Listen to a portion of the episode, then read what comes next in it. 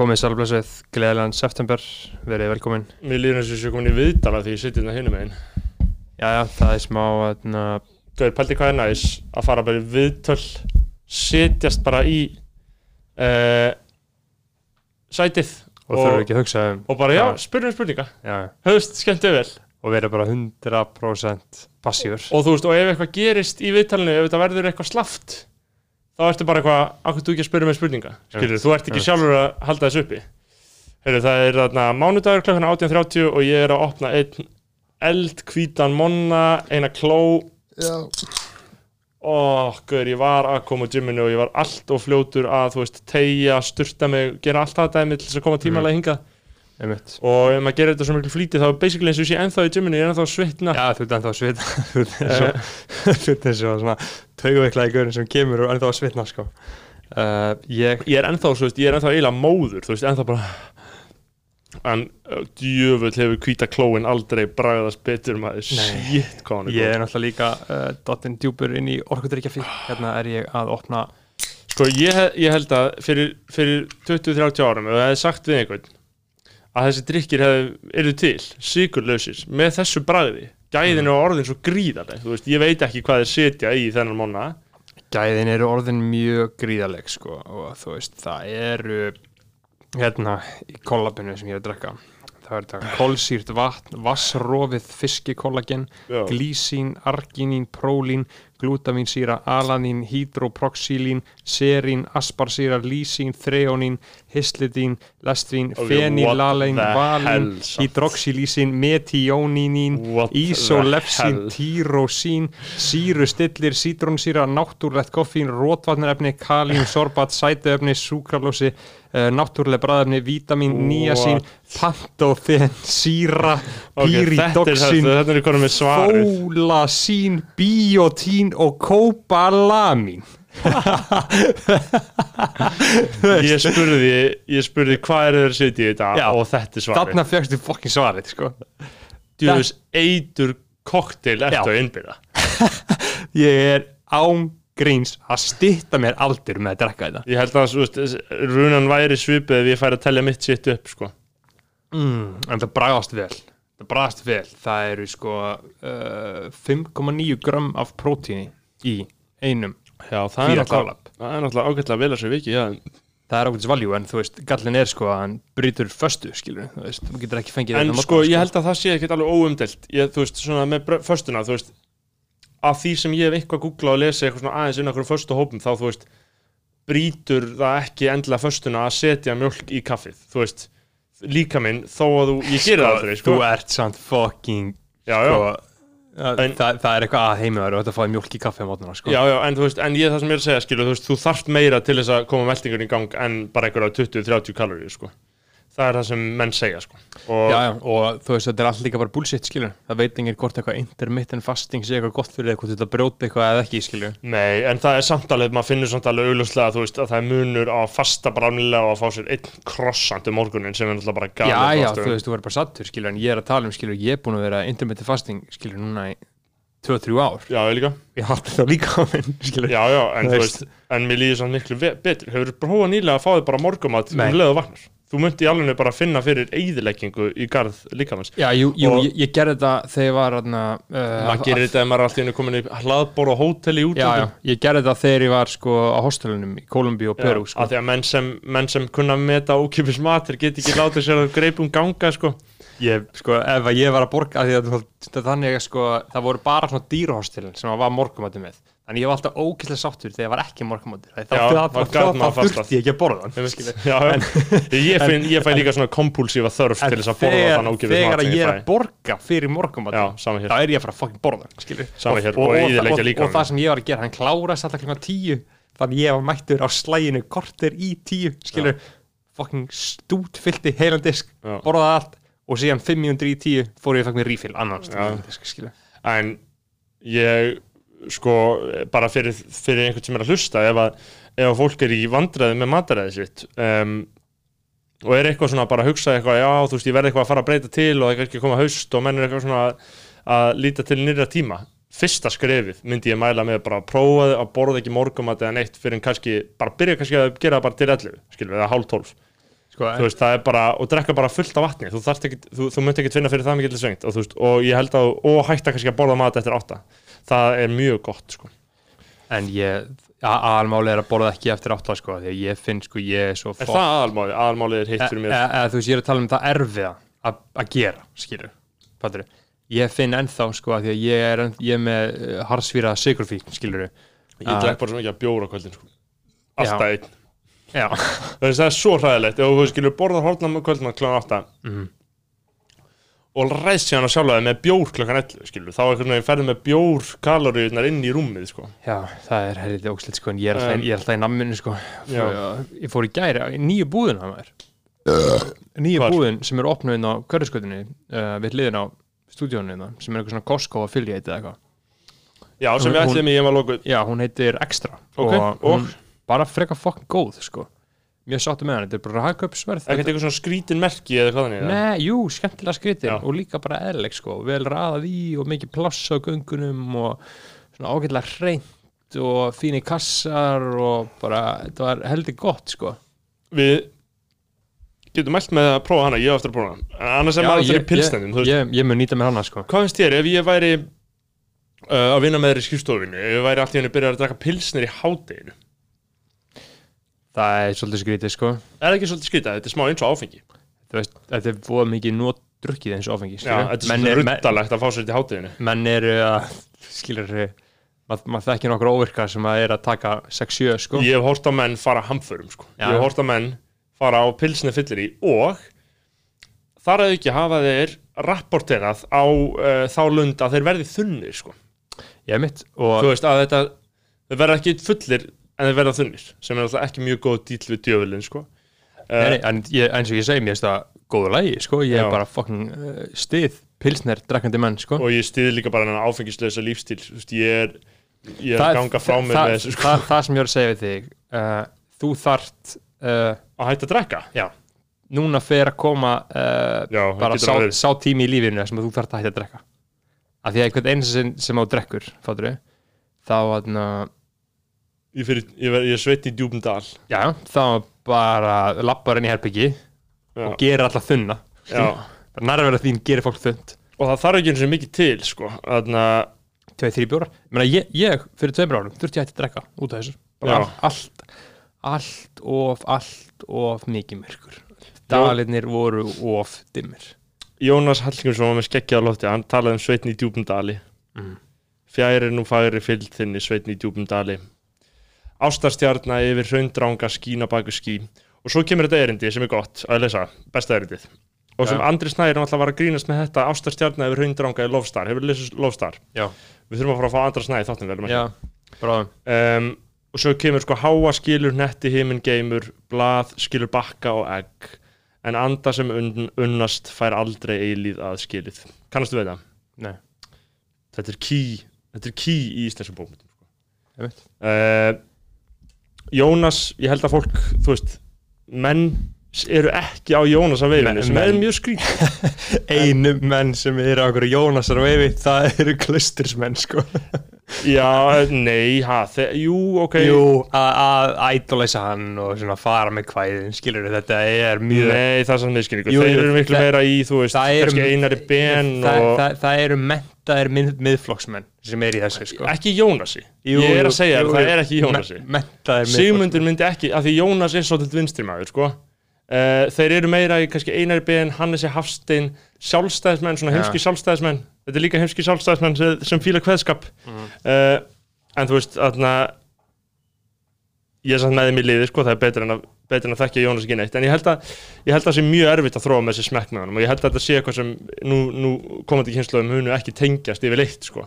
Uh, þú veist, ég held að, að tengingin sé bara farin, sko sem er alltaf hluti af, af niðurbroti íslenska menningar, það er Nei. alltaf hrinja þetta það er alltaf rinja sko og Eh. það er áhugavert að sjá hvað nær sko að transcenda og ég var að horfa á að núna í gær þá var ég að horfa á Gnarr heimildamindina Já, Gnarr 2011 held ég hún að koma út, eða 2010 mm um frambóð hans já, árið 2010 og þetta er það allra episkasta myndin. Já, bíómyndin um þetta sem að Gaugur Úlfarsson leikstýrir. Já, og Gaukur Úlfarsson uh, hefur líka gert, hann gerði líka rapp í Reykjavík á stöð 2 Já. og hann uh, er vist kreditað fyrir það að hafa búið til Silvíu Nótt konceptið, já, Gaukur. Hann það er náttúrulega frekar mikill king. Já, já, og hann er mikill king og hann gerir rapp í Reykjavík leikstýri því og síðan uh, er hann að leikstýra þáttinu með uh, Jóa og Lóu núna á stöð 2 já, þannig að hann er djúpur í leiknum og hann sem sagt gera þessa gnar heimildamind ég þekki ekki sko þarna, þú veist, ég, ég, ég þekki hann ekki ég hef ekki talað um Gaukur já, en sko, believe me, ef ég, ef ég hitt hann, skilja, þá hef ég spurningar fyrir hann, sko. Mhm. uh, og þessi heimildamind er einn og hálf klukktími bara af pjúra fucking listrætni epík Mm. þetta er bara Jóngnar að bara byrjar, bara hann bara í fullkomnu gríni. Að bara með eitthvað gjörning að bjóða sér fram skilja, sem best, bara sem bestaflokkur bara í fullkomnu vit fyrringu og bara algjöru trolli, skilja já, og síðan bara byrjar þetta að make a sense skilur. já og hann er að segja Smátt og smátt. hann er að segja svo fyndna hluti skilur. þú veist, hann er að lappa þarna á til dæmis uh, fókitatorki skilur, þarna sem er Mhm. ég er með rámar í þetta, held ég að sé þetta líka Já, þetta, þetta er örugglega í trailernum sko, hann er alltaf það að fókitatorki skilur og er bara að segja eins og að, og er að segja sko að, að skúli fókjati með stittunni skilur. Sem klættur eins og hannabinna og, og, og hannabinna lítið til skúla fókita sem svona uh, outfit inspo sko. Og er segja bara að er með svo skemmtilega fyndin án þess að svífur það neitt skilur. Mm. það er sem svo sjúklega fyndið í Jón Gnarra þú veist hann einhvern veginn getur gert svo fallega grín að hlutunum sko uh, án þess að í rauninni hann fer aldrei nokk til mann í mannin sko. Þú veist hann er bara svífur að heilar stopnanir og kultúr og bara mannverur. Án þess að rauninni svona maður fær einhvern veginn svona úf, vá, þetta var aðeins mikið á hann hann er einhvern veginn svona uh, dansar einhvern veginn fullkomlega á línun hérna sko. Og þessi heimildamind sko hún fer í rauninni yfir það bara hvernig þetta breyttist úr bara algjöru búlsiti yfir það að hann bókstaflega varð borgarstjóri í Reykjavík. Ég held að þetta sé eitthvað sem geti alltaf gerst sko. Uh, að komi þú veist, eftir með alltaf ég man sko, ég veit ekki hvort þú munur eftir en ég man þegar ég heyrði að Jón Gnar væri að fara í stjórnmál. Já, ég, ég var ekki með meðvitund á þessum tíma af því að ég var sem sagt hálfur maður og hálfur orki.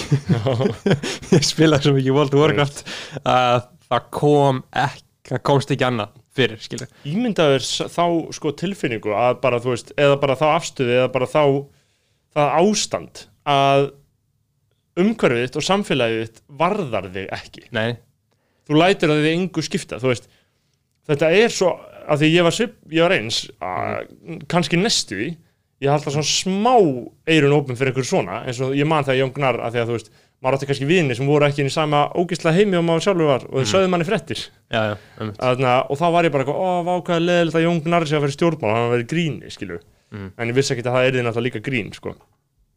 Ég man bara að þarna skipti ekki neitt máli nema World of Warcraft.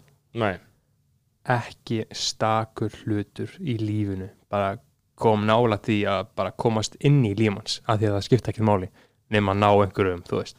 Þarna maður gæti vera þú veist, að reyta Að PvP eða safna einhverjum achievements skilur maður var bara með mission uh, og það var að sem sagt, bæta sig í World of Warcraft. Hörru, sorry, ég var að reyna að fletta ykkur upp innan sem ég fann síðan ekkert, þannig ég var svolítið annars hugar en uh, það er ímislegt sem við viljum ræða í þessum góða þætti, ég ætla að reyna, sérst, að reyna að finna eitthvað ljóð en ég held, held að það hefði ekki mælst betur fyrir heldur. Nei, nei, uh, Sko, Fríman var að svífara var, var með svo góðan sví, góða, var svo góður að svífara ekki sko, hann var að tala um málfarið sko. Já, eins og að segja hérna, held, mælst betur fyrir skilur, þú veist, já Hva, hvað meinar þið þegar þú ert að segja þetta skilur, Ég meina ímislegt, þetta er bara íslenska, þetta er íslenskt mál.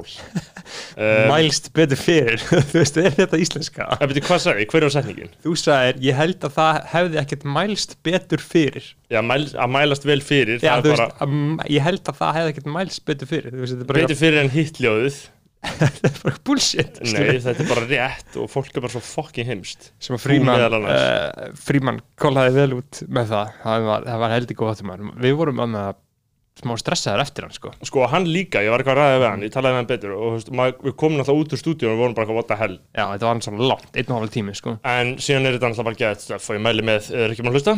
Sérstaklega þegar hann byrjar svo vel sko.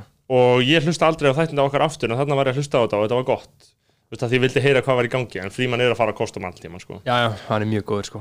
Uh, það er ýmislegt sem við þurfum að tala um. Heyrðu, ég sé að það sko Brad Pitt kærasta djúið alltaf með ungum gælum en ég hef ekkert meira að segja um það.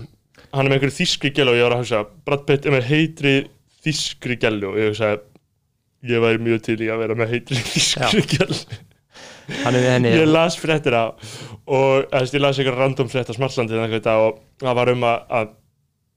Brad Pitt væri sem sagt 57 ára með uh, já, ég heldur sem sagt ekki eitthvað Nei, nei, hún, hún, hún er er 29 29 hún, hún er 27 ára. Já, eldgömmul með hans, hans stíl. Já. og á meðan allir aðrir voru að hugsa bla bla bla, skilur eitthvað uh, hann er vondur kall, þá var ég að hugsa bara á djús vistlega að vera með heitir Mhm. þýsku gæla, hann með einhverju þýsku fyrirsæti. Um, og þú veist, ætti ég að finna eitthvað um hana? Nei, nei, sko ég er með hérna og bara Nicole er uh, þýsk fyrirsæta og hún tala um Jolie þú veist, ég veit það nú ekki áleg en nú greina fjölumillar frá því að Poturalski sem er þessi Nicole sé í raun gift þjóðverðanum Roland Mari sem er, veit, er veitingahúsa eigandi í Berlín.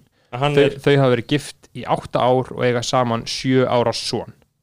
Uh, Daily Mail greinir frá því að Mari sé hjónabandi í fjórða skipti. Sko ok eitthvað passar ekki hérna. Hvernig getur Mari verið í hjónabandi í fjórða skipti en verið gift einhverjum í átta ár og verið 27 ára við erum búin að debunka Daily Mail já, Eh, eða, eða dýbanka vísumúturis já, það er auðvitað líklegt það, það, það er annarkort, þetta, meikar ekki alveg, sko. Uh, já, Daily Mail greinir frá því að sé í hjónabandi í fjórðaskipti og kippið sér lítið upp við það þó að eiginkona sé að slá sér upp með öðru manni. Þau eiga verið í opnu hjónabandi. Uh, Brad og Angelina skildi árið 2016 til 20 ára hjónaband og eiga þau sex börn saman. Angelina fer með forræði batna, þeirra.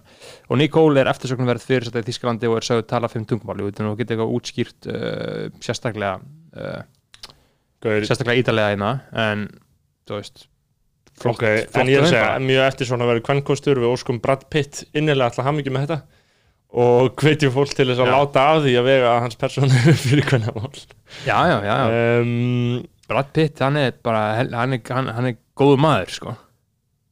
Brad Pitt er Já, mestari já, þannig að hver var að segja að þessi nýja mynd hafi verið léleg með, með Tarantino, uh, alls konar fólk. ég man, nei, bara einhverjur einhver hálfvitar, Þeir, já. Ég man ekki hver var að segja það sko en hún er bara frábær sko. Finnst mér allan var ekki mikið torfa að segja nei, uh, þeir sem voru að segja þetta það var Frostir Lóasson sem var að segja þetta. Já, já, í, Já, hann í sagði- Bergur Ebbi podcast já, já, hann, sag, hann sagðist ekki fara þarna, sagðist ekki fara í bíó nema að sé Tarantino, Scorsese eða, eða Wes Anderson eða hvað sem hann sagði og sagði að nýja Tarantino myndinu var umuleg Heyrðu, sem, talandi um sem er svolítið fyndið take til að hafa sko. Já, einmitt, að vera síðan ósáttu með myndina. Já, uh, Mér finnst þetta góð mynd. Uh, Mjög falleg mynd. uh, já, mér var sem frábær ég mun að hóla á hann aftur við tækja Já uh, Talandi um hluti Mhm. og Frosta Lóðarsson Mhm. uh, Jakob Bjarnar setti status á Facebook um daginn Já. sem var, ég hlustaði á þrjá unga karlmenn í podcast þætti í vikunni þar sem, þar sem þeir vörðu góðum tíma þáttar ég hef nánast grát byggðast afsökunar á því að vera ekki konur að ræða við konu því miður var vist ekki hægt að koma því við en þeir lofuðu bót og betrun í þeim efnum og þe- þetta er allt og sumt í stöðuferslinni Mhm. uh, og þá kommentar uh, einn uh, sérst, hverjir voru svona feminista barðir? Jakob kommentar hverjir eru það ekki er kannski betri spurning.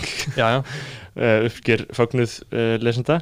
Uh, Baldvin Þormóðsson okkur kommentar sérst skoðanabæður spurningmarki og ég verð að taka undir það að ég áætla að Jakob sé að tala um já. Að jafnvel þáttinn þar sem við erum að tala við Sölva eða vorum við að tala mikið um að við verum uh, kallmenn þar eða? Við tölum oft um þetta En, veist, við svona, en, en, en við tölum ekki um samt mikið uh, svona hlutverk hvenna í þættinum okkar. Nei þú veist, við, við, við höfum ekkert sérstakt orð á því að það sé erfitt að hafa stjórn á kynjarhutfallinu en við tölum samt við svona uh, la, svona gerum það svona smá gaman máli að við við karlmenn að tala við karlmenn. Og við ekki að verið. tala um þetta við Sölva? Ég held að við verðum að grínast með þetta við Sölva og ég held að Jakob hafi heyrt það. En hann segir sérst líka aðtáðsend það skiptir eiginlega engum máli hverjir þetta voru. Ég hlusta á þennan disclaimer hljóma á öllum fjölmjölum og í allri dagskargerð linnu lítið undanfærin áratug og velti því fyrir mér hvort þetta sé komið til að vera. Uh, svo skrifar hann áfram þessi kynjakóta krafa í hverju sem helst er orðin svo úldin að mér hreinlega verður flögur þegar fólk heldur þessu fram fórtakslaust þetta eru snar brenglaðar fórsendur verst er að þetta hefur kvíslast um allar stopnarnir þjóðfélagsins eins og þessi víðáttu heimska séu einhver eins og þessi víðáttu heimska séu einhver sjálfstæðis sannindi og meira að segja að listinni séu sett þessi skiliri list er ekki list nema hún sé frjáls og hvaðalaus en af því að þetta á að vera svo hálitt og gott í eðlisinu þá lítur þetta bara engum eðlulegum lögmálum en þannig er það ekki. Tilgangurinn helgar ekki meðalið langt í frá. Þetta eru svona svolítið þarna fram og tilbaka þetta er svo- þetta er svolítið, fram og tilbaka hjá hann uh, en pointið er auðvitað að að þú veist að hann vilja að fólk fylgi einhverjum prinsipum og ég skil það svo sem alveg. Að, að þú veist að sé ekkit þú veist að, að, að við séum ekki hérna að lúta höfði fyrir einhverjum svona einhverjum óljósum kröfum í samfélaginu. Mér er svona alltaf fullkomlega eðlilegt að fólk reynir bara að hafa eðlilegt jafnvægi. Ég myndi bara einfallega alls ekki vilja halda úti einhverju hlaðvarpi hérna þar sem við myndum bara tala við karlmenn. Það er bara ógesli pæling skilur Það er bara eina hlið á Já, og, veist, og það er bara ekkert víð umræða skilur þannig að Að- að- að- veist, ég að ég reyna ekki að halda hlutföllum í þættunum að því ég er svo hrættur um að einhver brjálist heldur bara að því að mér finnst það betri hild á fjölmiluninni og þetta er eins og það sem að gerist um mig þegar ég var á Húsavík núna í ágúst þá hérna, voru við sér, nokkru félagar uh, á ferð um landið Já. og hérna, stoppum í sundi í Húsavík og sem sagt við vorum fimm gaurar, fimm Já. king katmenn og einn var vegan einn er vegan, allir hinn er bara bara hvað sem er, skilur það, er ekkert stress Já, þú varst búin að segja þessu sögu í hlaðarpinu en var ég búin að segja þessu sögu í hlaðvarpinu? það sem hefði komið út úr sundi og voru farinir á stað var ég búin að segja þetta í? Já. ertu, ertu viss? Já, Ok, raunverulegi minn sko mixa stundum upp við það sem ég segi segi line bara- var að að því að hann var ekki þarna þá völdu ekki vegan stað. Já, það völdu ekki þengist það og það er svo svolítið sem að kemur alveg eins og allir sem að, þú veist, síðastlegin 30 ár hafa gott á að stoppa þeim af. Þannig að ég saði þess að sögu ekki, ekki annarsinn, sko. Þetta er það sem ég er alltaf hrættur um. Þú var að segja þetta líka um mig af því ég, ég lifi bara einhverju tveimur lífum já, af því að ég, ég er svona, ég, ég hugsaði um mm, hef ég sagt þetta eða ekki? Bara- en, en þarna, það sem ég er að segja er fyrir 30 árum var bara Hollywood svona skilur, og íslensku kvikmyndiðin og allt það voru bara pjúra fucking kallmenn á kókaini að taka er svo gott. Ko, konur kom ekki nálægt þessu. Það er svo gott í alvöru lífinu þegar einhver er að segja eitthvað og maður reynir svona fyrst eitthvað rétt svo eitthvað svona, já, já, já, og síðan er hann komin nóg langt. Þannig að maður næri ekki áður en hann er bara að byrja að segja heila sögu aftur. Einmitt, og ma- ma- ma- maður sko tekur líka, ég er mjög meðvitaður um það og ég passa mér alltaf mjög vel á því Já. að vera ekki að segja Ég sömu mjög söguna. hræddur um að að um að og sérstaklega í beinni, þú veist, þetta er fyrsta sinn þetta er bara stórt ell sem ég tek hérna sko. En, en sérstaklega sko ég man ekki hvað þætti þetta var en nei, nei, held, heldur ekki ég, sko, þetta fer allt saman í eitthvað, við erum alltaf búin að taka upp sko 67 þætti það Já. er, það er, það var einhver að benda mér á hvað það væri verulega mikið sko, sem er alveg rétt já, það eru hvað, hvað ætla þessi margir klukktímar þetta er örgulega fleiri hundru já, en sko með Jakob þá fá hann í þátt, þáttina á einhvern tímpúti og og þannig að því við erum alltaf búin að hitta hann í sundin okkur sem og Já, sundi. gott, gott, gott spjall við hann hittum hann í hittabóttunum og þá var hann talað um hérna, kynjafræði í áskólanum Já, Og já, við getum rætt ímislegt við hann sínar skoðanir á því, sko. og hann er alltaf bara þölrændu blaðamaður og það er interessant út af fyrir sig sko. talandi um uh, blamösku þarna, Já, blaðamaður sko þá þarna, byrja ég vikur alltaf á því fyrir smá insbó uh, skoða Instagram vikunar á divaf, á já. Mér finnst þetta góð blaðamenn þetta er raunverulega vel unnið. Já, ég er samanlega og þeir leita að góða stöffinu já, og þeir vinna þetta, þú veist, það eru oft skemmtilega svona millifyrirsagnir hana, skilur Ok, nú er ég að skoða. Vikan á Instagram, lengi lifi flippu og fellingar. Eru ekki að tala um það? jú, jú, þetta, Ok. Hver ætlaði að byrja þetta, vísir eða DF mm, Já, ég veit ekki, ég held að þetta sé divaf sko En, en hann vísir eru með þetta líka, ekki? Já, Jú, en er það ekki eitthvað aðeins þau eru með stjörnulífi, það, er er aðeins meira toxic.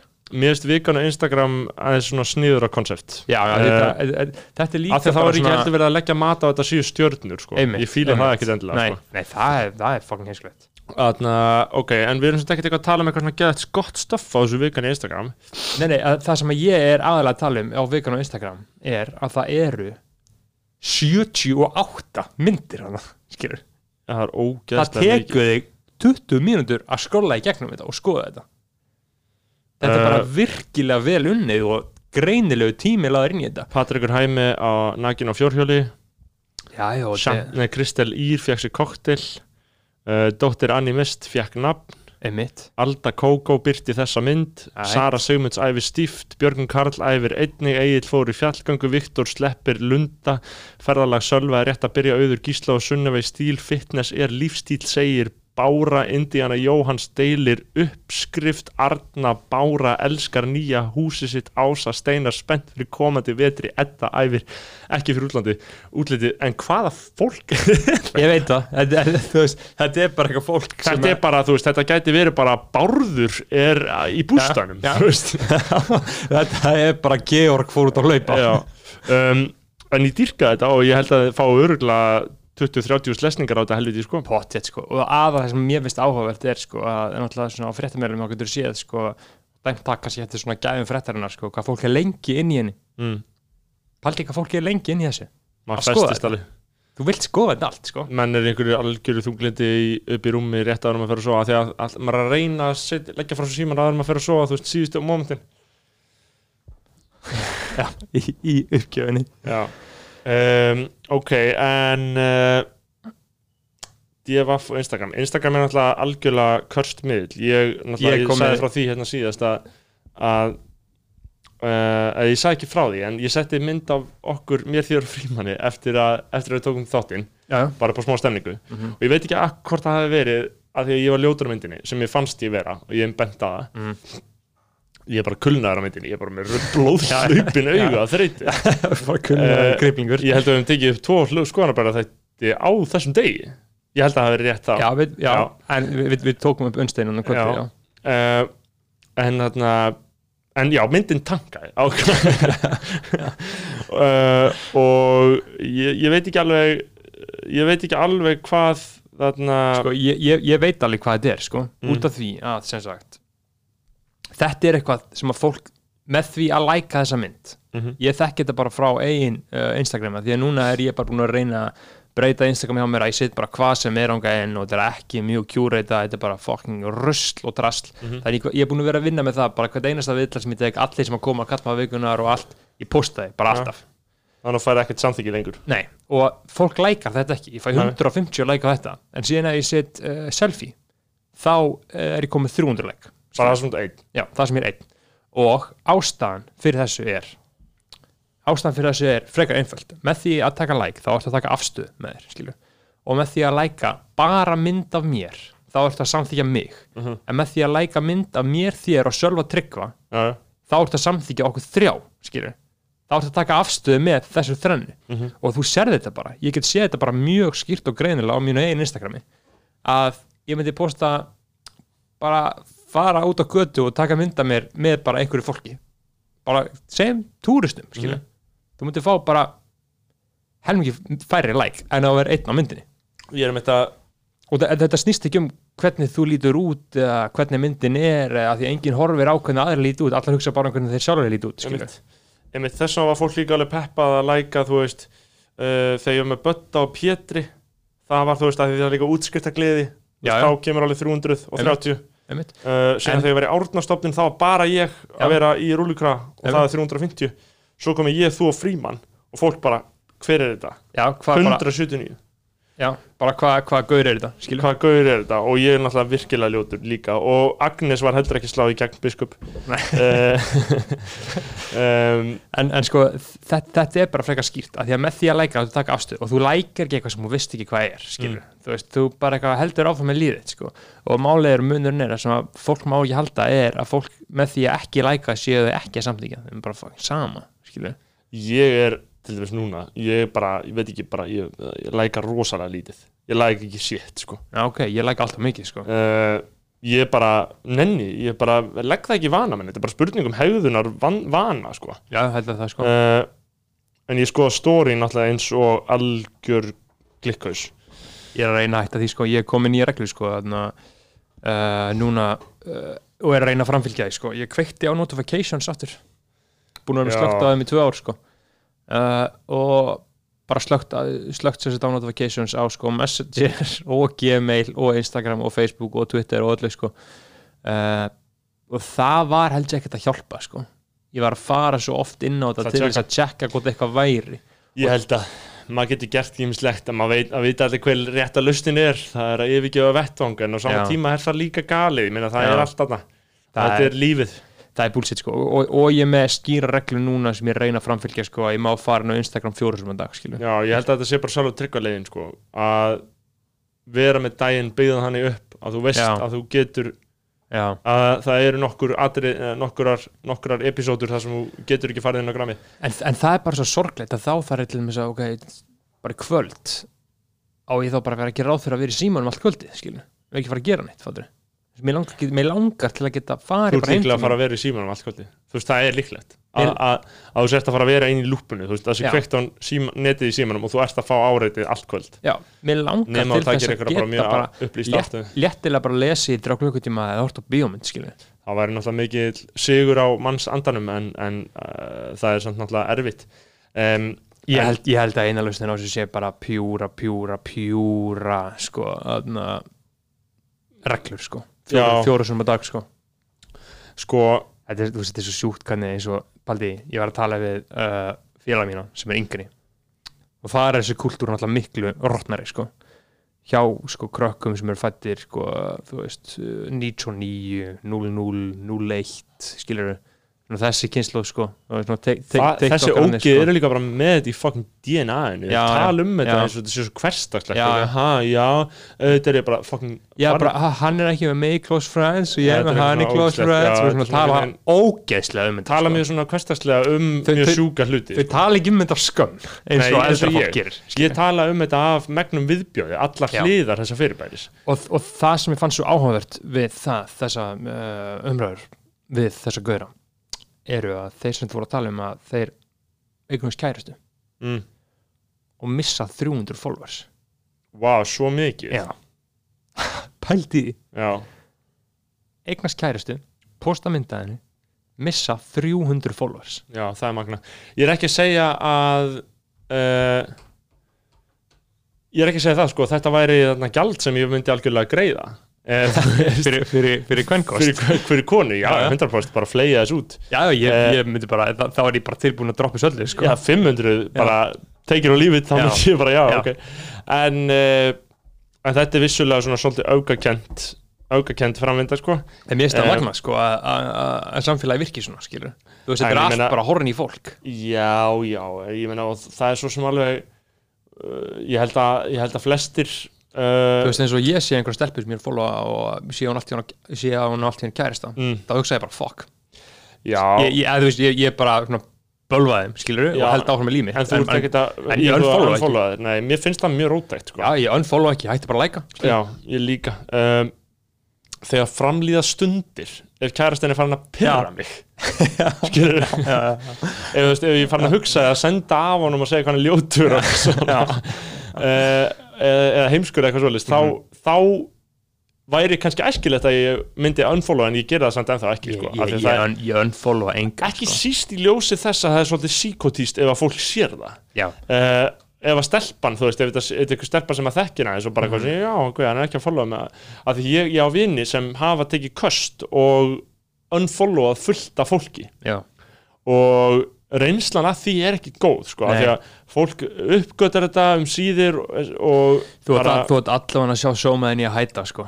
já, og bara fólk upplifir þetta sem mikla, mikla svífinning á sitt nafn. Af því að þetta er hinn eina sanna höfnun. Ég meina, þetta er, þú veist, ef þú ert í litlu sambandi við ykkur, þá er þetta öflugasta höfnunum sem þú getur veitt honum, skilur það er bara, ég vil ekki sjá þig, ógið það er bara, I don't fuck with you.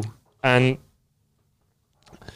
en ég held að ég held að uh, þetta sé náttúrulega líka bara uh, veist, þetta er einn glugginn í veruleikan veist, það er ýmislegt sem á sér stað þarna en aftur móti þá er þið gamla góða alvöru líf, það er eitthvað sem ekkert getur komið í staði fyrir Nei, nei, nei. Uh, ég var í dag, núna í dag er mánudagur, ég var í dag í tíma kl. 13.20 í skólum Mhm. niður í HÍ og uh, ég hef nú ekkert sérstaklega notið mín endilega alltaf mjög mikið í mínum góða háskóla Íslands að fara, mæti tíma og svona en ég nú alltaf mætt sko uh, í hvert einasta tíma Já, ég tengi ekki við fólk sem skrópar í skólanum. Nei, uh, að því að, og líka bara þú veist uh, mæli með því ef, ef fólk er að byrja í háskóla eða mentskóla eða hvernig sem það er þú veist um, líkillin til þess að ná skólum er að mæta alltaf þú veist, það sem ég fatt ekki í mentaskóla og þetta er náttúrulega veist, um, svolítið tussulegt að vera að segja þetta eitthvað núna og ég veit að þetta er ekkert það sem fólk vil heyra. En ég hugsa allir baka í mentaskóla og ég var náttúrulega mjög skeggjar á því á tímabili og bara mætti ekki neitt skilur, mætti ekki heilu, heilu tvö ár. Uh, en ég hugsa allir baka þú veist og, og svo tók maður lokaprófin og þá var það alltaf bara skilur, sama vesun og allir þekkja á gömulsáni en ég hugsa tilbaka hefði ég mætt setið tímana í staðin fyrir að vera í Score Hero 3 í símanum á meðan einhver sögukennar vera að tala. Mæta, sitja, horfa á kennaran hlusta á upplýsingar þar þú getur það ekki Nei, ég, get heldur ekki, ég, ég er að segja þetta frá sjónarhóðni sem er óskinnilegt fyrir þeim. Og, en ég er bara að segja þetta veist, þetta er svona kannski aðtiklisvert eða forvitnilegt fyrir einhvern að þetta er leið sem tryggir velgengni. Veist, og í háskóla ég hef alltaf bara mætt og bara hort skilur, og hlustað. Það er svo, það er svo, það er svo einfalt en samt byrtingkent sko. það, það er svolítið leiðin sko en þú getur en ég veit að ég get ekki sagt þetta af fólk sem er ekki að gera þetta Það- ég veit það alveg það er bara, það, það, það er ekki séns sko uh, mentaskólinni mær en geðvitt, geðvitt að fara í skólan þú veist, það var bara allt fullt af fólki mm.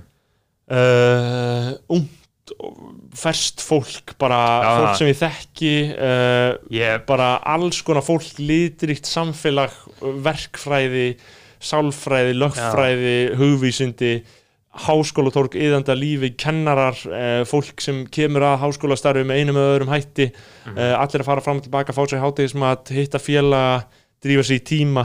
Þetta er mjög fallegt umhverju já, veru, sko. já mær ég Eh. væri bara freka mikið til ég að bara get out the game og fara í háskóla í janúar sko. Já, ef ég geta sko. Já, það væri helviti helviti ljúft sko. Ég kom með eitthvað svona smá en hvað viltu að fara þá að HÍ eða?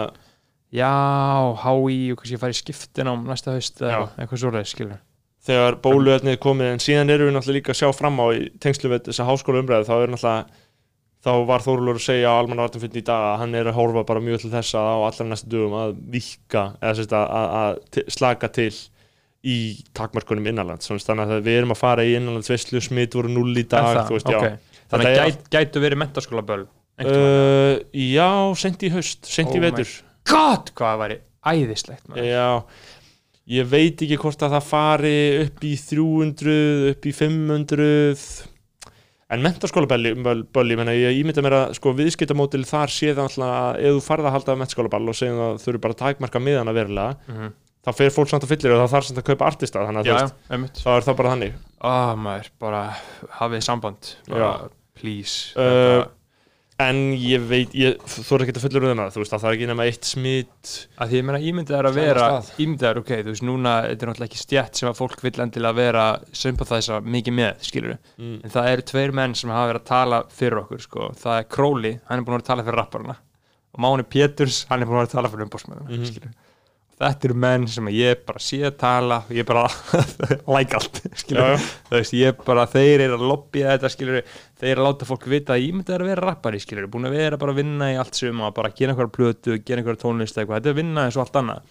Og síðan ertu bókaður hérna á þrjú busaböl, skilur, og þú hugsa bara, já þetta eru launum mín fyrir allt sumari, skilur þrjú mm busaböl.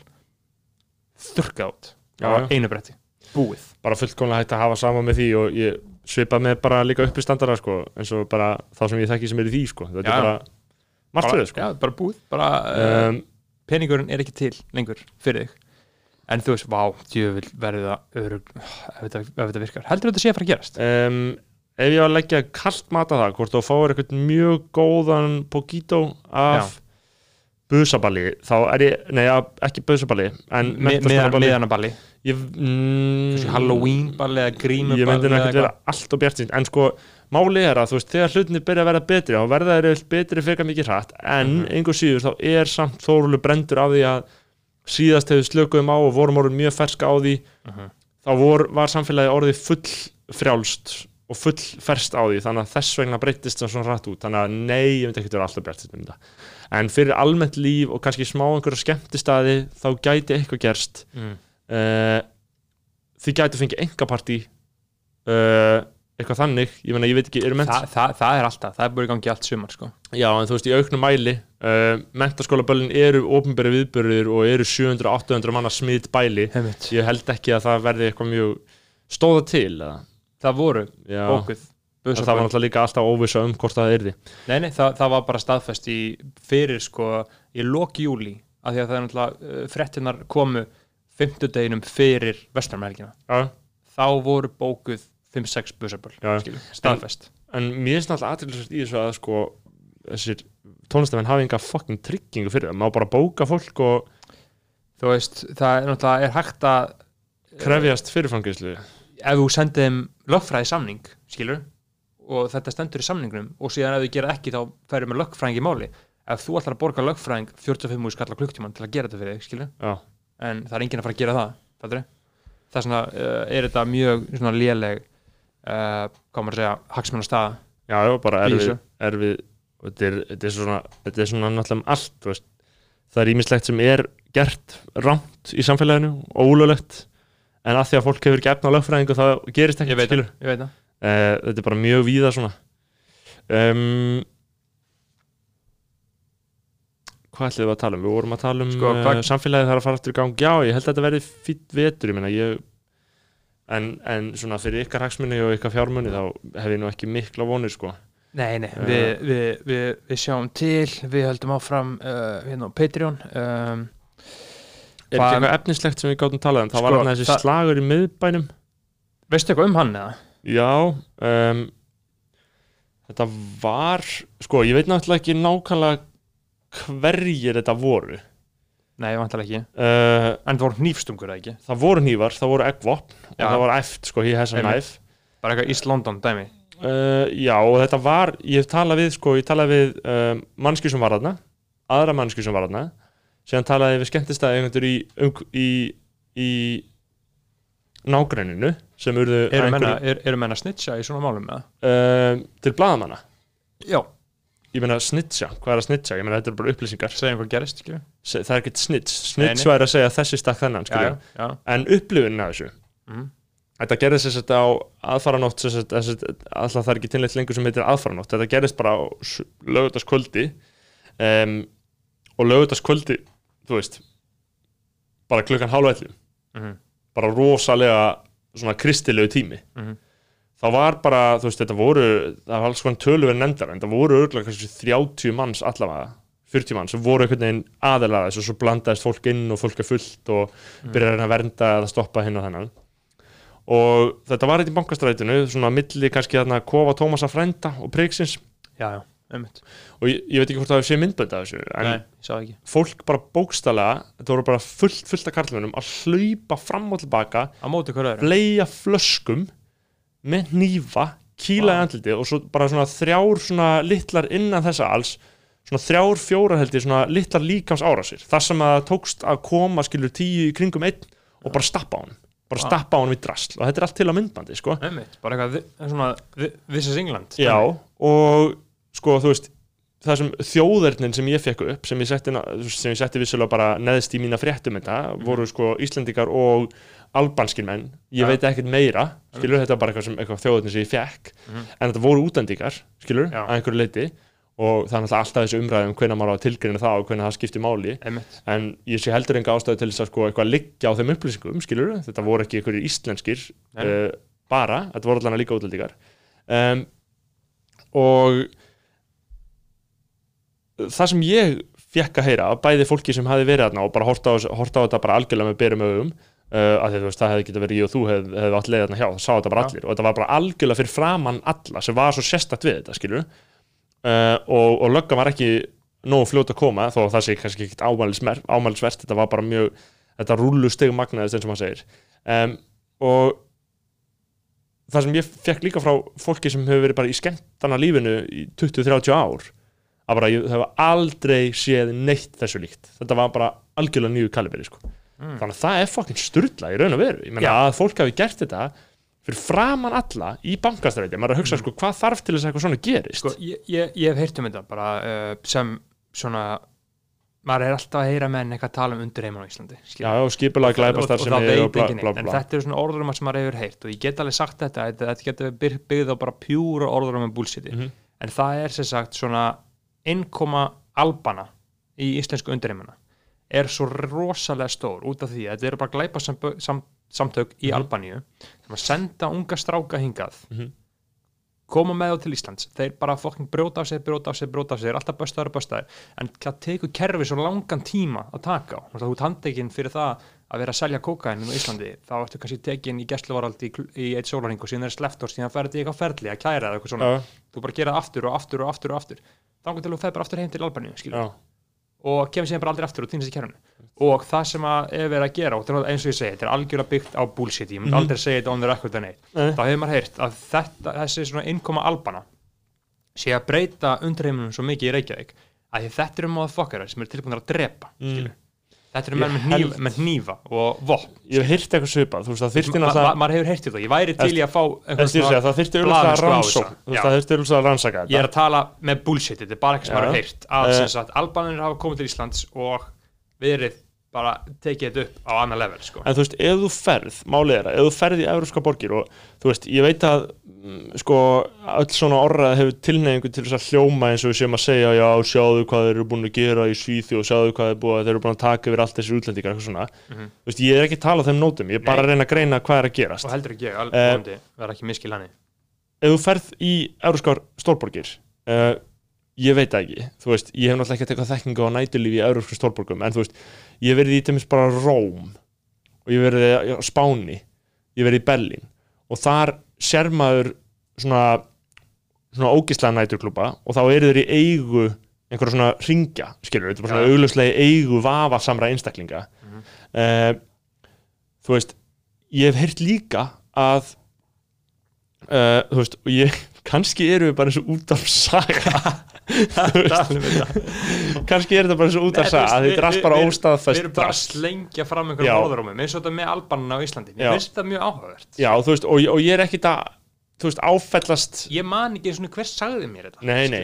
en þú veist, ég hef heyrt líka já, að, þú veist svo takaði við dýravörslu á stöðum já, skilur, bara einhverjum venlegum stöðum. Að þetta er bara eitthvað svona, þú veist, þú er bara með skemmtistað og þú ætti að vera með dýravörslu og bara þessir gaurar eru gaurar sem munu verja staðin skilur, að þetta dýravarsla er ekkert child's play, þú þarf bara viðbjóðslega hardcore fólk skilur um, að þú færð fólki annarlega ástandi til þín sem vil gera hræðilega hluti. Já. uh, og það taka þér við dýravörslu og svo einhvern veginn bara sölsaður undir sér staði skilur og þannig þú veist eins og, seg- eins og ég segi, þú fer til Rómar eða eitthvað og ert á einhverjum kasínu eða eitthvað þá eiga bara einhverjum gaurar þetta sem þú vilt bara þú veist, þú vilt ekki fokki neina bara, e- e- þetta er, syndikat og þetta tekur svolítið svona sa sta- sakleysið úr miðbæ Reykjavíkur ef þetta yrði svona. Og ég er ekkert að segja sakleysið er náttúrulega þegar farið. Við höfum verið með staðið þarna þeim stum satna í um, 10-11 götunni, aðalstræti eða hvort það sé þá frekar austustræti, þú veist, staðið þar austur shooters smá- og ég er ekkert að setja þetta undir sama hatt en nei, þú veist, nei, svona, svona staðir sem ég, þú veist, ef einhver er bara, þú veist, já, þú veist, ef að ég man, mannsálsvæp yfir skilur Já, eða bara einhvern veginn svona þú veist, þetta er ekki það sama bara og uh, priggið, ég veit bara Jeff á það. Ég veit bara að finna með það, þú veist, ég veit Mhm. bara alveg hverjir, þú veist, þetta er bara svona frekar gagsætt fyrir mér, skilju, kings. En þannig er bara þannig er eitthvað, eitthvað ný þróun að verða. Mhm. og og það er vafasamt, sko. Já, ég meina, þú veist, það verður bara áhverð að sjá hvernig það þróast að því, en þú veist, þetta er í rauninni sko það sem að bara mannkyni hefur mestan áhuga á í alheiminu, þú sér það bara á þú veist, þessi bara gottfæðir, skilur, Mm. gottfæðir 1 og 2, bestu bíómyndir alltaf tíma, skilur Sopranos, uh, allar Martin Scorsese myndina, Goodfellas, allt Mafia. þetta, skilur það er bara að tala um bara mafíu, skilur og mafía virka bara hann, mafía virka alveg eins og samherri gerir, skilur þú veist, þeir eru skilur þeir sjá um sína, skilur það er aðmáli, þetta snýst um að vera meit, skilur Já, algjörlega, þú og made þú, og þú þú fórnar og það er þér er bjargað, þú Já, veist, en þú- fórnar. já, já, þú bara ert til, þú bara derð fyrir hópin já, já, og, þarna, og þú bara þarft að leggja þína vinnu og þá ertu meit skilur, og þá ertu komin þetta þeir eru með puttan í mörgu og þetta er bara smá eins og hér þeir eru með rosalega stjættaskiptingu skilur, þeir eru svona uh, uh, sjá vel um sína er með svona lingo skilur, la cosa nostra skilur, Mhm. þú veist this little thing of ours og, og, og líkil atrið í öllu þessu alltaf grundullin að því eitthvað svona geti gengið er að fólk bakki ekki út og snitsi. Veist, þetta snýst allt um að vera trúr Já. skilur, þetta, sný- þetta, þetta gengur allt út á það að í rauninni manipulera fólk þannig að það sé alltaf trúgt málstæðnum og trúgt hópnum. Að því um leið og eins og þeir eru meira að tala um að þeir byrjun Sopranos þá eru þeir að pyrra sig á því að allir þessi fucking wackos séu að fara í sjónvarpið skilur, Já. og segja frá öllu sem hafa verið að gera það, það skilur, true, true mob boss story skilur. þú veist að það varði einhver svona tilhneing að, fólk, að menn stíu út úr þessu fengi fokkja mikið pening bara fyrir að tala sig út úr þessu og mistu bara algjörlega mannorði innan þessa heims en urðu þá einhverjar sjónvarstjörnur skilur uh, og ég held að það sé þú veist ég meina það mætti alveg líka því við bara því sem þarna þú veist og ég ætla alls ekki að segja einstum sem hann uppljóstrarinn Jóhannes hjá Samera hann var hluti af þessu dæmi og Ég veit það. fattar hann bara Mafían. fucking hell Já. skilur ég ætla ekki að skilur og segja frá fyrir sjónvarpið verður svona Mhm. ákveðin þjóðar heiti að einhverjum afmörkum skilíki fyrir utan það að samherjamönnum hefur náttúrulega tekst að ræja hann svo harkalega að það er bara var- að gera út af hann og hann vissi og þeir, Já. gera út af menn sem, sem Já. fara út af spórinu og ég, ég skil það ég skil þá Eins- tilhengu Já, bara eins og þú veist bandarísk yfirvöld gerðu Edward Snowden skilur, Já, hann býr bara í Rúslandi auðvitað gerur út af við og, og þetta er náttúrulega líka bara spurningum að sína fordæmi. Þetta er það sem Putin gerir við, við Alexei Navalny. Mm. þú veist, stjórnara sest, ég veit ekki hvort það var fylgst með því máli en það er gaurin sem er á mótanum það er gaurinn sem, sem liggur á sjúkrahús í Berlín núna eftir að það var langlíklegast eitrað fyrir honum.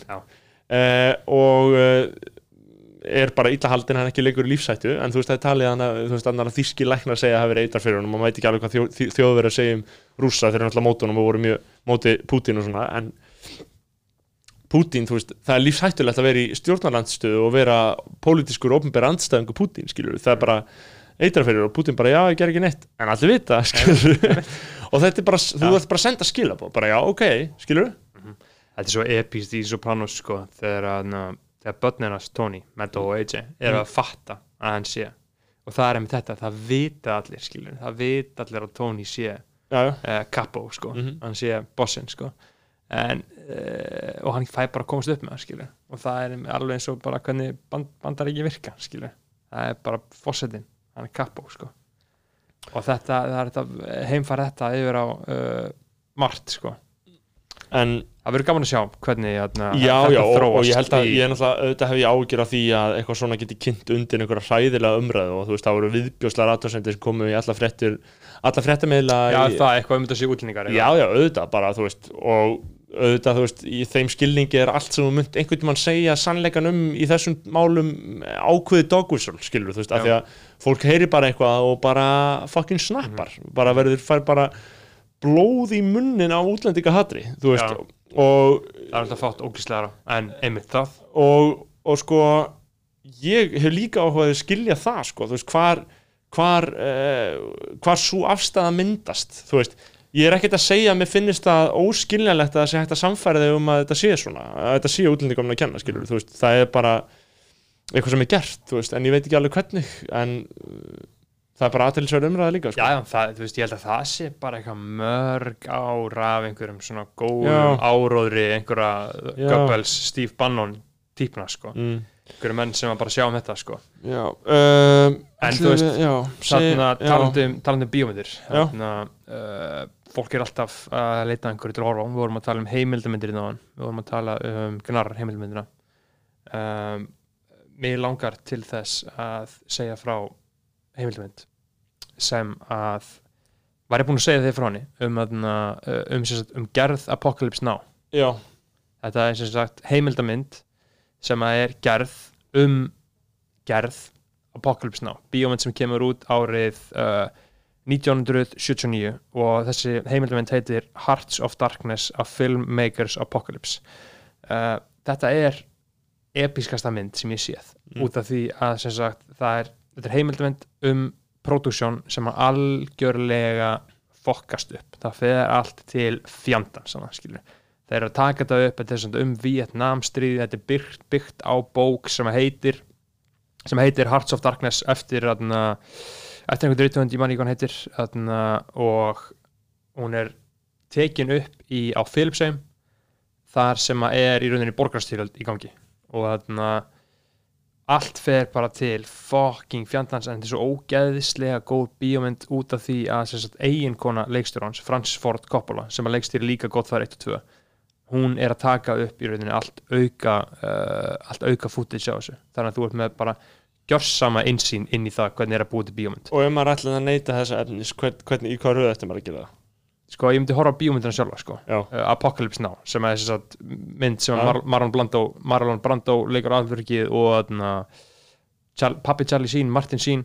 Og þessi þetta er svo gott, þetta er svo þarna, legendary quote úr myndinni sko sem segir eitthvað We were in the jungle, there were too many of us we had access to too much money too much equipment and little by little we went insane.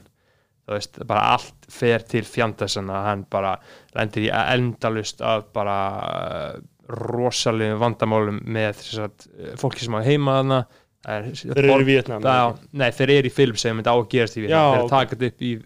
takað upp í Philipsheim Nei, en ég er að segja skilur í Bí- bíómyndinni þá bíómyndin eru- gerist í Já, Vietnam ég er að en segja, hún og þetta kvót er um ástandi í Vietnam Nei, þetta kvót er um ástandi í Philipsheim að taka upp já, eins og sé í Vietnam ok, já, ég ætla að vera að tala um hernaðarlega séð. Nei, nei, nei, þetta er er sagt, um að gera bíómyndina En lestu kvótið aftur kvót- kvótið er We were in the jungle, there were too many of us. We had access to too much money too much equipment and little by little we went insane. Já, sko án þess að, að stoppa þessa umræðu um þessa mynd, þú veist, þá er þetta ég held að þetta sé rosalega sko mikill sannleikur í of miklum sko það sem ég hata reyndar við íslensmál er að við erum ekki með nógu þægilegt orð yfir resources. Já, veist, að bara ekki, að búa yfir, yfir of Auðlindir. góðum forsendum, Já. auðlindir er ekki orðið þarna, heldur bara í rauninni að hafa aðstæðunar en séu bara og, og fjárhagurinn sé bara einfallega of góður Mhm. þú veist, í svona framleiðslu eða í hverju sem er ef þú ert með aðganga of miklum tækjum fólki, Mhm. peningum hvernig sem það er þá er, það er svo veit það það er svo, svo slæmt þegar fólk þú veist, að því að fólk er alltaf að tala um þú veist, allar ríkistofnarnir, allar stofnarnir, allir öll fyrirtæki allir bransar, allt, allt, er alltaf að tala um að, að peningar séu skoltin samt skamti, þú veist, ég þekki þetta bara sjálfur mjög vel úr þessu dæmi bara blaðamennskan, þú veist, það er allir alltaf að væla þar þú veist, um, það er allir alltaf að væla allstaðar, ekkert kannski endla alveg allstaðar, sumi bransar bara eru í mjög góður stöðu, en getur verið einmitt að það sé heilbreytt að það sé ekki allt flæðandi í peningum þegar allt er flæðandi í peningum og of mikið að dóti, of mikið að drasli þá gerast bara, gerast bara slæmi hlutir. Allt fokast upp. Eins og þegar það er góðari eins og þegar bankarnir voru í gangi þá var bara allt flæðandi í einhverju bulli skilur og það bara varð bara vond samfélag. Eins og þarna í þessu litla setti þar sem við vorum að framlega þessa mynd sem er þó góð skilst mér, e episk myndin er góð. og vann bara endalist á Óskarsvælunum og allt þess að þetta sko. Samfélag hefur ekki gott af allsnæktum sem er skringilega skipt. Þú veist, samfélag hefur það myndast eðlilega samfélag þegar það er ekki alveg allt til. Já, það er bara en little by little we went insane og, og þetta, þú veist, þú getur þú getur sko uh, beitt þessum, þessari rökfræði á mikró og makró Mm. stíi þú veist allt frá því að vera risastór kvikmyndaframlisla you had too much money. Mhm. there were too many of us. Too much equipment. Too much equipment. Með risastóra framlisla og þar er þetta satt að þetta verður allt hræðilegt. Það fer bara allt að verður allt bara viðbjörslegt einhverju einhverju völd, einhverju byrja að deila einhverjum gæðum. Já, þú veist, ég man eftir þessu í þarna uh, legendir í seríu 5 af Wire þegar uh, ég vil kannski ekki spoila ef einhver sem séð þetta. Jú, það má alveg tala um. spoilaði bara. Sko, eh, í seríu 5 eh, þegar McNulty fær þarna heimildina til þess að uh, í rauninni skrifa út yfirvinnutíma. Já, uh, og bara allir verða ógeðslir Mhm. og þetta verður bara viðbjör þú veist bara þ- þú veist, það eina sem er löggan er búin að vilja ógeðslega lengi er bara OT, uh, overtime. Þau vilja bara yfirvinnu. Að fá borga fyrir yfirvinnutímana. Og um leið að þau fá það og um leið að McNulty fær heimild til þess að gefa út yfirvinnutíma þá verða allir viðbjörslegir Mhm. og þetta er það sem gerist þarna. Og eins og ég var að segja, mikró og makró líka um fjölskyldur, erum með ríkar fjölskyldur. Uh, ríkisbubbar ógislegt, viðbjörslegt 1% skilur, sem á meiri pening en það getur eitt. Lifur á vöxtunum. Lifir á vöxtunum, fjármakstekjur og svo framvegis eitthvað sem að mínum að þið mætti kannski skera út úr samfélaginu með því að, að umbylta kerfinu en það er umræða fyrir setjum Mhm. tíma kannski. 2028 uh, þar gerist þetta. Það verður allt mjög slæmt og öllum líður mjög illa. We went insane, we go insane þú veist, hef, hef, Hefur þú séð Gentleman með Guy Ritchie nei, nýja, nýjasta mynd, Já, já, nýja, nýja, nei, nei, ég er ekki búin að horfa á hana, mér Nei. er langað að Hún hana. Er Er mjög ekki um eitthvað kasínó, eitthvað póker, eitthvað? Ja, þetta eru svona, eru svona háklassa grassala mjög Já. gott sko. Og það er einmitt verið að tala um sko uh, þriðju kynstóð ennsku aristokratana Já, sem að gjörsanlega tapa öllum peningum já og þurfa bara að fara að reyna að gera eitthvað til þess að, uh, til þess að geta grætt peningin aftur sko. Ég er að segja að sko, þetta er svo áhugaverð blekking í rauninni grunn, grunnirinn af því sem ég er að segja er að Mhm. blekkingin er svo áhugaverð um að draumurinn er alltaf að þú veist þarna að eiga nóg Mhm. til að gera alla hlutina sem hann dreymir um Mhm. en ég held að rétti lífstíðin sé að lifa við örlítinn skort alltaf já, pínu, en síðan viltu líka auðvitað í hæfilegum skilningi já, eins og bara það, ég myndi að það að búa til kvikmynd á Íslandi Já. það er ekki hægt skilur, núna er samt, þú veist eins og ég segi En- en- en- það er verið að búa til allt í lagi myndir. Já, já, en, en, en ég er að segja með gróða, án, án ríkistyrkja skilur, án styrkjum frá kvikmyndasjóð Já, þá getur nei. ekki, þá getur ekki búið útilokað til skilur.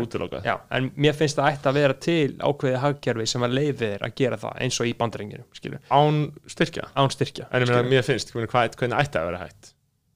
Þú veist það, það, það, það er ekki hægt, það væri hægt að það væri miljón en, en, og það, þá var það hægt en það, bara, það er ekki hægt að við erum ekki nóg mörg nei, en veist, en eins og ég segi sko, við erum með núna, núna fá- fást tölvöld mikli styrkir uh, úr svona evrópskum sjóðum já, það er rosalega algengt að þetta sé svona eitthvað bara hálf belgísk framleiðsla Já, og, og þess vegna er þetta einmitt sko, og þess vegna er þetta oft svona stílað þess Já, vegna já, brey, það- þetta breytir áherslunum í já, kvikmyndunum sko. það, það er einhver að tala um, tala um það, veist, allt henni þarf að skrifa inn einhver, einhver sænskan frænda, skilur til þess að geta, til þess að og- geta fengið pening frá og einhver þarf sjóð kannski að skrifa inn e- eitthvað svona teika á flóttamannavandan af því það er já. stemningin í umsóknum þess tíma Einmitt. og það eru kannski málamillanir sem listamenn þurfa bara því miður að gera í öllum tilvikum en Jakob, Jakob Bjarnar var að tala um í Mm. Facebook-pistin sem að listamenn ekki þurfa að gera. Já, ég meina, en þú veist, en eins og ég segi sko, En í, í- í, þú veist, full- í- í fullkomnu hann, lífi- hann segir eitthvað svona listamenn eiga aldrei að lifa við neina kvaðir, skilur þú veist, að, að, að þú eigir aldrei að það á ekkert að hafa áhrif á listina þína. Mhm. en ég meina, hvers konar útópíska fullinning er það, skilur Já, hvað, það, það, það, það er náttúrulega bara bullshit sko. hva, hvenar nokkuð tíman ever hefur það gilt, skilur aldrei Nei, en, en, en eins og listi samfélagslegt fyrirbæri, hún mun vera undir orpin einhverjum samfélagslegum lögmálum, sko. Já, þetta er eins og ég er að hlusta á uh, æfisöðu David Lynch núna, sem epiksta bók í heiminum. Já, þá er hann að, tekur hann að sér þegar hann er orðin svo smá hot shit, hann er búinn að leikstýra tveim bíómyndum, hann er búinn að gera fyrstu myndina sína þarna og búinn að gera Elephant Man og þá fær hann þetta risa, risa Hollywood budget að gera kveikmyndina Dune mm já, sem er til frægus vísindaskáldsöðu bara, mest, bara frægasta sci-fi uh, saga sem til er í alheiminum. Um, hann tekur þetta að sér og fær rosalega mikið pening fyrir það, rosa budget og er bara í þrjú ár að gera þessa bíómynd. En hann fær sem sagt ekki hann skrifar undir réttindi þannig það mismundi eftir samningum sko leikstjóra við sem sagt framlýstu fyrirtæki og stúdíóin hvort að þeir séu með final cut eða ekki. Og í þessu tilviki þá var David Lynch ekki með final cut. Hann fekk ekki að ráða því hvernig kvikmyndina svo klift mm Mhm. Hann fekk auðvitað að segja eitthvað skilur en þegar komaði þá hafði stúdíóið og framlýstu fyrirtæki bara rísa stór, stór fyrirtæki með peningin þeir ákváðu hvernig bíómyndin myndi verða. Þannig að þeir ákváðu hvernig myndi verða listamann fekk ekki að ráða því lengur skilur þannig að David Lynch sagði bara bara ef einhver ungir kvikmynd að gera með að hlusta aldrei í lífi ykkar gefa frá ykkur final cut skilur Nei, þú veist, þetta kjarnar í raun og veru þetta þessa tóstreitu, algjörlega, ég meina og þú veist ég, þetta er alltaf málamiðlun þú veist, Mhm. hvar ætlar það að eh, vera alveg sjálfstæði listamæður, þá ertu bara eitthvað æbengstór út í skói, nema þú sért náttúrulega bara náir einhverjum tóni og bara getur alltaf sagt það sem við viljir og allir að hlusta alltaf, Mhm. en það er bara nokkrir í, í sögunni Já, sem eru það, það skilurðu. er nokkuð nokkuð nokkuð sjálfgeft fyrirbæri sko. og í íslensku bókmyndum ef þú hugsaður um íslenska bókmyndir síðustu ár og ég nú, þú veist uh, maður hefur svona lesið sitt hvað og þar er, þú veist umfjöllirinn og auglýsingarnar er alltaf einhvern veginn svona já, þetta kemur inn á uh, þú veist, eitthvað tráma sem ég átti þetta kemur inn á, já, líka loftslagsmál þetta kemur inn á, já, flottamannavandan þú veist, um, Andri Snær með þessa bók sem þarna um tíman á vatnið Mhm. uh, flott bók og fólk er mjög ánætt með hana. Hún var svo vinsæl, ég hef ekki sé ég mikla mikinn fjölmiðla storm um neitt annað eins, en þetta var líka á hápunktu 2019 dæmisins þegar ekkert var búið að gerast og loftslagsmálin voru Já, já. hot shit. Það var bara allir hann hitti bara á eitthvað svona það sem að næstu bara svona, næstu allir voru byrjaðar að hugsa smá um þetta og, og þessi bók einhvern veginn bara algjörlega kom inn í það. Mhm. frábært moment og bara þetta var bara frábærlega gert hjá honum. En þú veist er hann ekki að einhver leita að laga sig að tímanum þar, skilur þú veist, listamæðurinn laga sig að tímanum. Þú veist, loftslagsmálin eru það sem er að gerast. Þá skrifa ég eitthvað póitist og frábært um loftslagsmálin, skilur Já, þetta er klæfæ, auðvitað. skilur uh, og en ég er að segja skilur þú veist ég er ekkert að segja hvað Andri vill og hvað hann vill ekki gera. En hann vill ekkert endilega skrifa um loftslagsmál skilur, en hann Nei, bara veit að þetta er en, en, en, veist, við erum bara skilist af eftirspurninni. Já, já. Og, og síðan er annað, um þetta líka eins og bara herra, herra neytismur, skilur rappar bara um pening, fattur já, uh, rappar á pening eins og hann segir sjálfur uh, rappar á pening á hundra mismunandi vegu, skilur uh, og hann, svona, það er voða mikið sko, ímyndin hans út á við að hann sé bara, bara peningar bara, veist, það er svolítið svona mikið svona vilja meina, er mín greining á hann sko. að hann sé svolítið mikið svona, það sé svolítið mikið selli hans, skilur Mhm. að bara dýrföt, bílar, sólgleru peningar og allt þetta. En hann er náttúrulega líka listamæður skilur, hann er bara hreinræktaður listamæður með bara virkilega hæfileika og gera ljóðskáld. og ef að þú ert bara að gera eitthvað til þess að það sé bara pjúra vinsælt þá áttu bara að vera að opna veitingastæði og stofna fyrirtæki, skilur að því fyrirtæki snúast ekki um neitt nema að græða pening og vera vinsæl, skilur það er bókstæðlega það eina sem að fyrirtæki snúast um að já. gera. En þú væri ekki að skapa list ef þú ekki, ef þú veist, ef þú hefðir ekki fengir ekki eitthvað út úr því, skilur þannig það er svolítið málið með herra, skilur að hann er þetta er svona ímyndin hans, skilur, græða hann pening en einstinni þá er hann alltaf bara listamæður, skilur já, já, en á sama tíma má náttúrulega líka alveg, þú veist, útvíka hug, hugtækjum list, þú veist að reyka einhvern veitingastað, þú veist, það eru náttúrulega ekkert allir á Íslandi sem eru bara að reyka veitingastað með það eitt í huga að, að hámarka arðsemina. Al, al, alls ekki, sko. Uh, þú veist, rétt eins og herra hann skilur skrifar alveg gott stöff og elskar stöffið sitt, vandar sig við það Mhm. býr til frábært stöff sem verða vinsalt eða ekki, ég veit ekki hversu vinsalt þetta nýja drasl er sko en um, ég veit bara ekki hvernig það er sko Nei, en uh, gas, gas, gas maður. Einmitt, þarna uh, uh, við byrjuðum að tala um þessa heimildvind sem ég var að tala um, hún heitir Hearts of Darkness. Hearts of Darkness of Filmmakers Apocalypse. Hefur svo mikið mikið meir um hann að segja inn í lokin sko, Nei, bara, veist, hana og smetla ykkur hana. bara tje- tjekkja á, á henni sko og það var líka svo gott, þetta endalust af vandamál þetta sýnir svo ógeðslega fallegt. Og ég náði ekki að segja almennilega á hann, hún er svona góð út af því að eigin konan hans tekur upp allt sem hann segir þegar þeir, þau tvö eru saman skilur. Og síðan kemur Marlon Brando og er bara fokkin þunglindur, hálfviti, umulur, skilur, spigfeitur og leðilegur, hann kemst á því, þú veist, hann var búin að segja Marlon Brando að lesa bókina sem myndin er byggð á. Og þú veist, Brando var mættur til Philipsi og vi- vissi ekkert hvað, hann var að tala um, skilur. Hafði ekkert lesið þessa bók og vissi ekkert hvað hann var að fara út í og var bara svífur hann, skilur. Og það voru alls konar svona vandamál sem maður Vá. fæði bara að sjá bara algjörlega. hvað myndi pyrja mig úkslega mikið. Já, ímyndaðir, ímyndaðir leikar eru svo fucking heimskir sko. Já, já.